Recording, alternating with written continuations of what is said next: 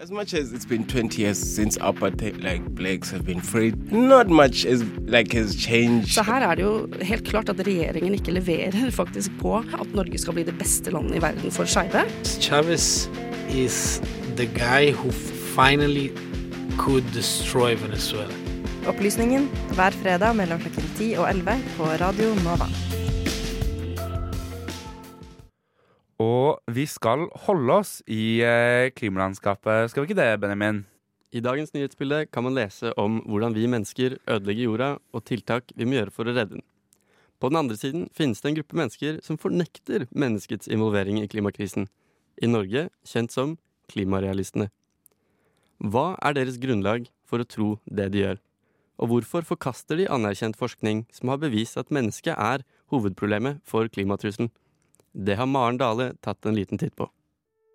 Mange av oss ser på klimaendring som en stor trussel. En fagfellesvurdert rapport støttet av bl.a. American Psychological Association trekker fram de mange ulike psykiske konsekvensene av klimaendringer. Dermed påvirker klimaendringer også vår psykiske helse. Allikevel finnes det de blant oss som mener at klimaendringene ikke er menneskeskapte. Hvem er disse menneskene, og hva ønsker de å oppnå? Ivar Giæver, den eneste norske nobelprisvinneren innenfor fysikk, har stått frem som en av de som mener klimaendringene ikke er menneskeskapte. Han blir ofte møtt med argumenter om at det er en vitenskapelig konsensus at klimaendringene faktisk er menneskeskapte. Derimot mener Giæver at vitenskapen ikke er demokrati, og derfor at dersom alle mener noe, betyr ikke det nødvendigvis at det er fakta. I et intervju han har gjort med Underhuset, forklarer han at det mange ser på som den store klimaverstingen CO2, faktisk ikke har en skadelig virkning på klimaet. Tvert imot så er det faktisk en livsviktig gass, ifølge Giæver. Han mener at dersom det skulle hatt en virkning på klimaet, måtte teorien stemt med eksperimentet. Men han påstår at det aldri har blitt bevist at CO2 fører til oppvarming av atmosfæren. Noen av de som støtter Giæver, viser også til at teorien om at CO2 varmer opp jorda, bygger på en hypotese som ble laget for 160 år siden. Det har i senere tid blitt forsøkt testet mange ganger. Men det har angivelig aldri blitt vist ved et eksperiment at CO2 varmer opp atmosfæren. I Norge er det en organisasjon med formål å være en motvekt til de ledende ideene rundt klimaendringene. De kaller seg Klimarealistene og har bygget seg opp en solid base av medlemmer. Deres hovedidé er at det er solen som står bak klimaendringene. Men dette viser seg også å være feil, skal man tro andre kilder. Laboratory for Atmospheric and Space Physics ved University of Colorado i Boulder peker på at de siste 20 åra har vært mindre solaktivitet, men fortsatt økte klimaendringer. Dette vil derfor motbevise teorien om at sola står bak klimaendringene. En undersøkelse fra Niels Bohr-instituttet i København viser at det er link mellom sola og klimaet på jorden. Men førsteamanuensis ved institutt Anders Svensson mener dette ikke er det samme som å hevde at sola lager klimaendringene. Det er kun snakk om en svak kobling og mindre regionale endringer.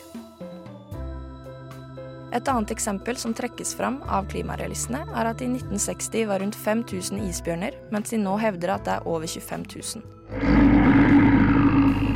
Dette er også motbevist av bl.a. dr. Steven Amstrup, en zoolog som har jobbet ved flere ulike institusjoner med forskning rundt biologisk mangfold. Han hevder at man ikke vet helt sikkert hvor mange isbjørner som faktisk finnes i verden, og at tallene fra 1960 er feil.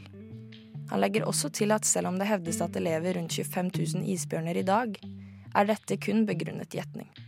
På en konferanse for klimafornektere som ble holdt i oktober 2019, blir det sagt at våre bekymringer for klima kun er noe vi tror på for å ha et kollektivt formål å jobbe mot.